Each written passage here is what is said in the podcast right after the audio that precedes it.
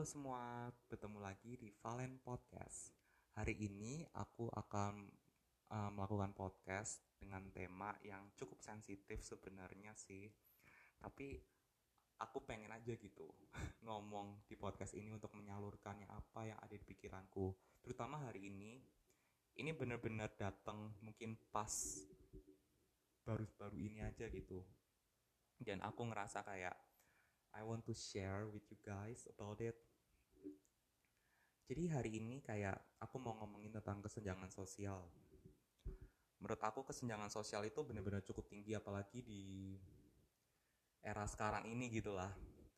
Contohnya ya banyak kayak artis-artis, selebgram, atau orang-orang kaya yang memamerkan harta mereka gitu di sosial media walaupun sebenarnya itu hak-hak mereka gitu ya mempunyai sosial media apa yang mau mereka lakukan ya terserah gitu kan. Cuman hal itu yang membuat kita tuh ngerasa kayak oh ya udah itu hak gua gitu. Dan membuat kita tuh atau orang-orang ini tuh kayak nggak punya empati untuk melakukan sesuatu. Dengan berkaca dengan mereka menjawab oh itu hak-hak gua gitu kan. Ya I don't think that they have really uh, etika gitu ya atau moral. Kalau belak belakannya sih gitu ya. Tapi it's really fine. Apalagi maksudnya it's really fine for me gitu ya. Maksudnya bukan untuk orang-orang lainnya gitu. Karena banyak banget kan sekarang ini apalagi di TikTok itu apalagi kayak tren sekarang ini yang oh gue punya iPhone gue punya iPhone ini iPhone itu bla bla bla dan dipamerin gitu kayak oh, oke. okay. kayak orang-orang perlu banget gitu. Sekarang tuh HP itu kalau misalkan kesenjangan sosialnya tuh dilihat dari HP gitu kan oh my god kalau HP-nya iPhone segini tuh kayak wow they're rich gitu. Oh my god aku nggak ngerti kayak orang-orang kenapa mikir seperti itu gitu. Mungkin aja mereka kayak bayarnya pakai utang kan juga kita nggak tahu ya. Cuman yang bisa mereka lihat tuh ya udah kayak mereka tuh punya istilahnya pride-nya sendiri gitu kok punya sesuatu hal dan ya menurut aku sendiri untuk aku diriku sendiri ya udah gitu loh. I have my own phone.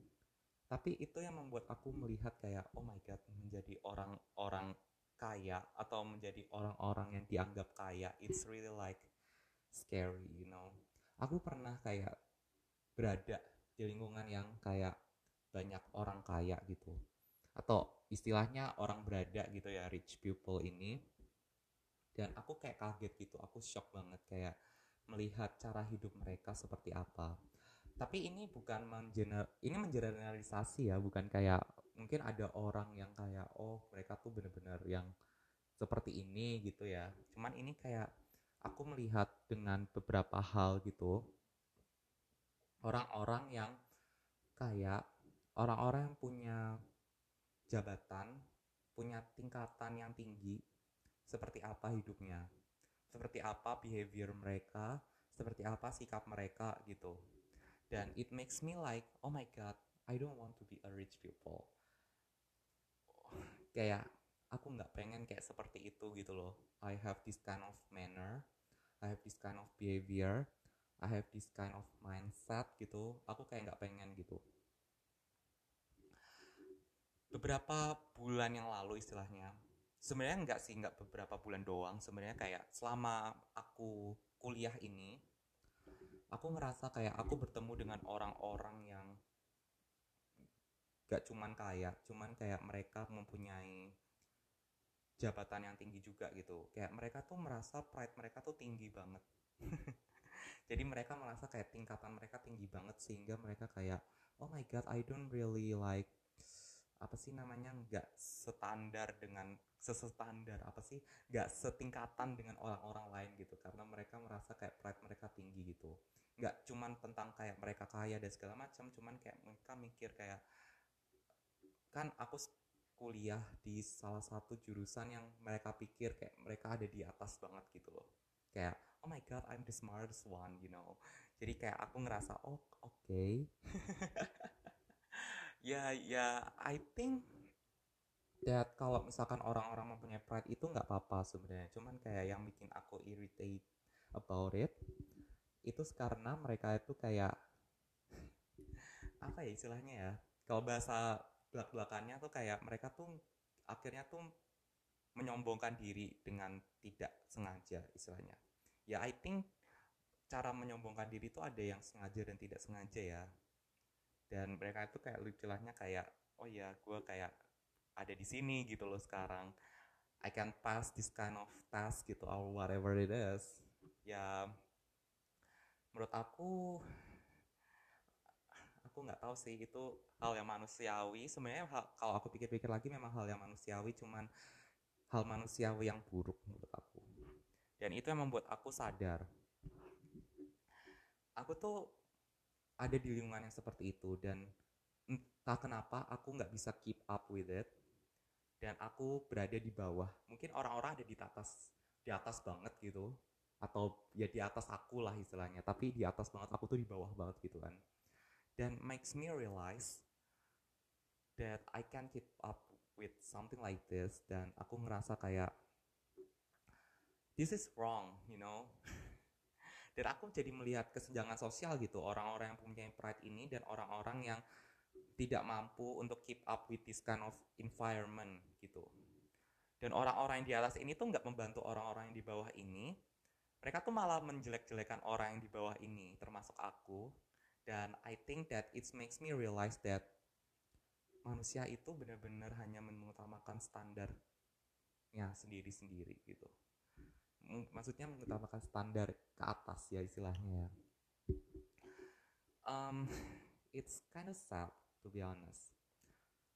Aku pernah baca atau ngeliat video di YouTube gitu ada orang bilang kalau misalkan orang-orang kaya sekaya apa pun mereka humble tapi mereka tuh nggak pernah mungkin mereka mereka nggak pernah berpikir atau merasakan um, apa ya istilahnya mereka nggak punya perasaan atau empati yang sama dengan orang yang mungkin biasa-biasa aja atau mungkin yang berada di bawah gitu. Contohnya kayak ada orang yang kaya banget gitu, mereka bantuin orang. Tapi sebatas bantuin aja gitu. I mean, mungkin orang-orang bisa kayak mikir, oh ya udah mereka dia kan udah bantuin gitu kan. Maksudnya kayak ya nggak apa-apa sih mungkin kalau sekedar bantuin aja. Cuman memang orang kaya itu nggak pernah berpikir lebih lanjutnya lagi untuk membantu. Kayak oh ya udah sebatas membantu aja gitu. Terus setelah itu nggak apa-apa. Gue juga nggak mikirin gitu loh. Dan sebaik sebaiknya orang kaya tuh kadang mereka juga nggak punya istilahnya mungkin mereka nggak punya pengalaman kayak oh mereka ada di bawah atau mungkin mereka kayak mungkin ada orang juga sih yang mungkin orang kaya yang dulunya di bawah gitu sekarang di atas.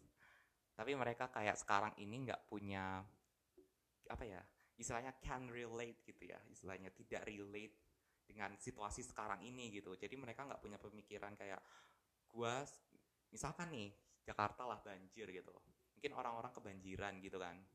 Ada yang nolong tapi ya udah cuman kasih bungkusan gitu. Apakah mereka berpikiran lagi untuk apa sih ke depannya orang-orang yang dibutuhkan pertolongan ini? Itu sih. Itu maksudku kayak mereka tuh membantu mereka humble istilahnya. Nggak semua orang kaya tuh jahat gitu ya. Maksudnya evil gitu ya. Yang evil banget gitu enggak cuman kayak ya mereka humble. Mereka mencoba untuk humble. Tapi ya humble-nya itu ya sebatas itu. They can relate with orang-orang yang di bawah itu. Situation orang-orang yang di bawah itu gitu.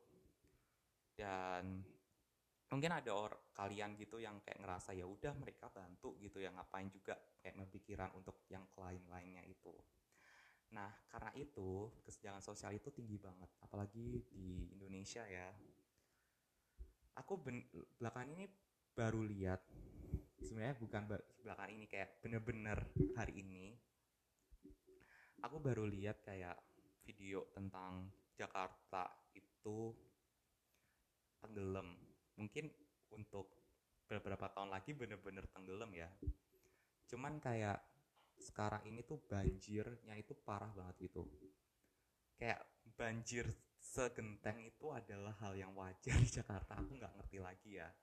Aduh ya ampun dan aku lihat berita ada orang yang bahkan sampai nggak punya air sampai yang benar-benar seperti itu gitu loh.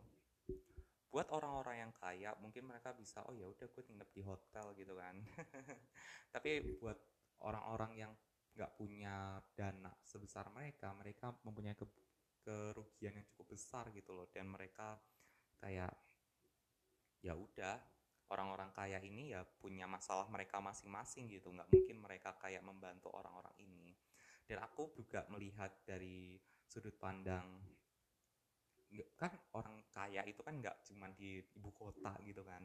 Di seluruh Indonesia ini menurut aku kayak aku melihat orang-orang yang membantu orang lain ini adalah ketika bencananya itu besar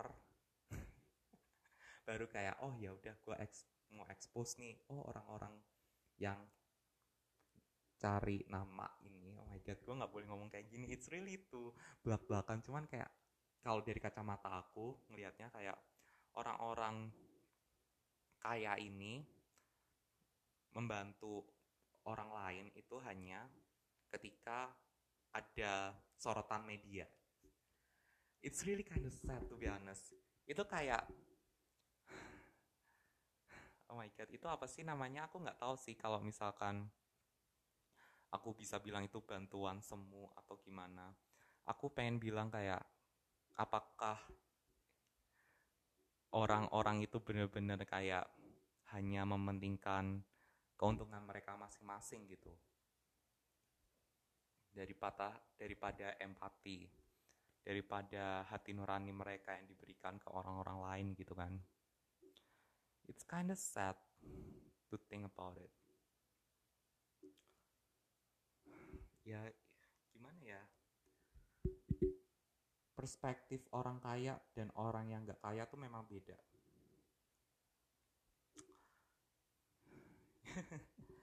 ya itu apa ya istilahnya ya? Adalah garis besar sih dari semua ini gitu kesenjangan sosial ini. Ya aku nggak ngerti apakah sifat manusia itu akan bisa dirubah. Tapi untuk sekarang ini kayaknya susah sih. Susah banget. Ya aku juga gak bisa apa-apa gitu kan. Maksudnya kayak ini balik lagi ke masing-masing orang untuk bisa menilai diri mereka masing-masing sih untuk ini um, ya aku sampai nggak bisa ngomong apa-apa lagi kayak wow it's really apa ya kayak mind blowing banget gitu buat aku kayak orang-orang ini tuh sebenarnya lebih ke arah orang-orang yang mempunyai berpikir tentang pride mereka itu lebih penting daripada orang apa daripada hati nurani mereka gitu loh. Aku baru banget keliat. Sebenarnya ini aku nggak tahu it's really like relate or not. Cuman kayak it's really like a good message sih. Um, waktu itu kayak ada itu Chesley Islan kok nggak salah. Filmnya Chesley Islan waktu itu ada cuplikannya di Instagram waktu itu. Terus kayak dia marah-marah ke suami tentaranya gitu. Dia bilang pokoknya intinya tentang apakah tentara nggak punya hati nurani gitu lah pokoknya dia lagi hamil dan segala macam dia nggak bisa apa-apain gitu ya. Terus si tentaranya ini bilang pokoknya dia nggak bisa gitu. Pokoknya istilahnya dia bi bilang kalau misalkan dia tuh nggak bisa gitu ninggalin. Gue poin nggak poinnya adalah dia nggak mau sebenarnya ninggalin istrinya ini. Tapi um, tapi dia bilang kalau misalkan dia nggak mau tapi dia bilang kalau misalkan dia nggak bisa juga ninggalin pekerjaannya gitu kan. Nah aku berpikir nih mungkin orang-orang di Indonesia ini juga belum berpikir tentang hal ini. Cuman aku ada um, melihat tentang film The Devil's Wears Prada ya mungkin ini adalah hal yang berbeda gitu ya. Cuman kayak menurut aku ini konsep yang sama. Ada jadi itu Devil's Wears Prada ya kalian nonton sendiri lah ya. Pokoknya intinya ada satu um, ada bos gitu si bukan CEO ya direktur utama dari suatu majalah model. Dan ada ya, protagonisnya pemeran utamanya itu adalah asistennya gitu loh. Menjadi asisten seorang direktur utama sebuah majalah model terkenal gitu like Vogue or something like that gitu. Nah per, waktu itu si uh, direktur utamanya ini si namanya Miranda dia bilang ke asistennya Andy gini. Waktu itu uh, Andy ini adalah asisten baru jadi ada namanya asisten lamanya namanya um, siapa namanya? Emily. Nah Emily ini adalah asisten lama gitu loh. Dan dia tuh pengen banget ke Paris istilahnya. Tapi pas hari H ternyata dia kecelakaan. Dan akhirnya um, Miranda putusin kalau Andy aja yang pergi gitu ya. Tapi um, Mirandanya itu gak pernah bilang ke Emily-nya kalau dia tuh nggak boleh ke Paris gitu. Cuman kayak dia bilang ke Andy kalau dia harus ngomong ke Emily dia ngomong harus loh ya harus ngomong ke Emily kalau misalkan gua apa Andy tuh bakalan gantiin Emily ke Paris bersama Miranda gitu. Pas di Paris um, Miranda itu sebenarnya pengen diganti oleh salah satu staff dari Paris. Dan sebenarnya uh, kursinya itu um, oh sebenarnya itu aku lupa sih sebenarnya lebih tepatnya. Pokoknya istilahnya dia tuh mau ngasih kurs di acaranya itu dia Miranda itu juga mau ngasih kursi suatu jabatan gitu ke salah satu istilahnya tuh mungkin kayak pekerjanya dia yang ya jabatannya tinggi lah istilahnya. Dan dia tuh mau ngasih jabatan jabatan yang lebih tinggi lagi ke dia gitu kan cuman pada akhirnya dia itu memberikan kursi itu jabatan itu ke orang yang pengen di, menggantikan Miranda ini. Miranda yang pilih sendiri aku nggak ngerti kenapa bisa seperti itu.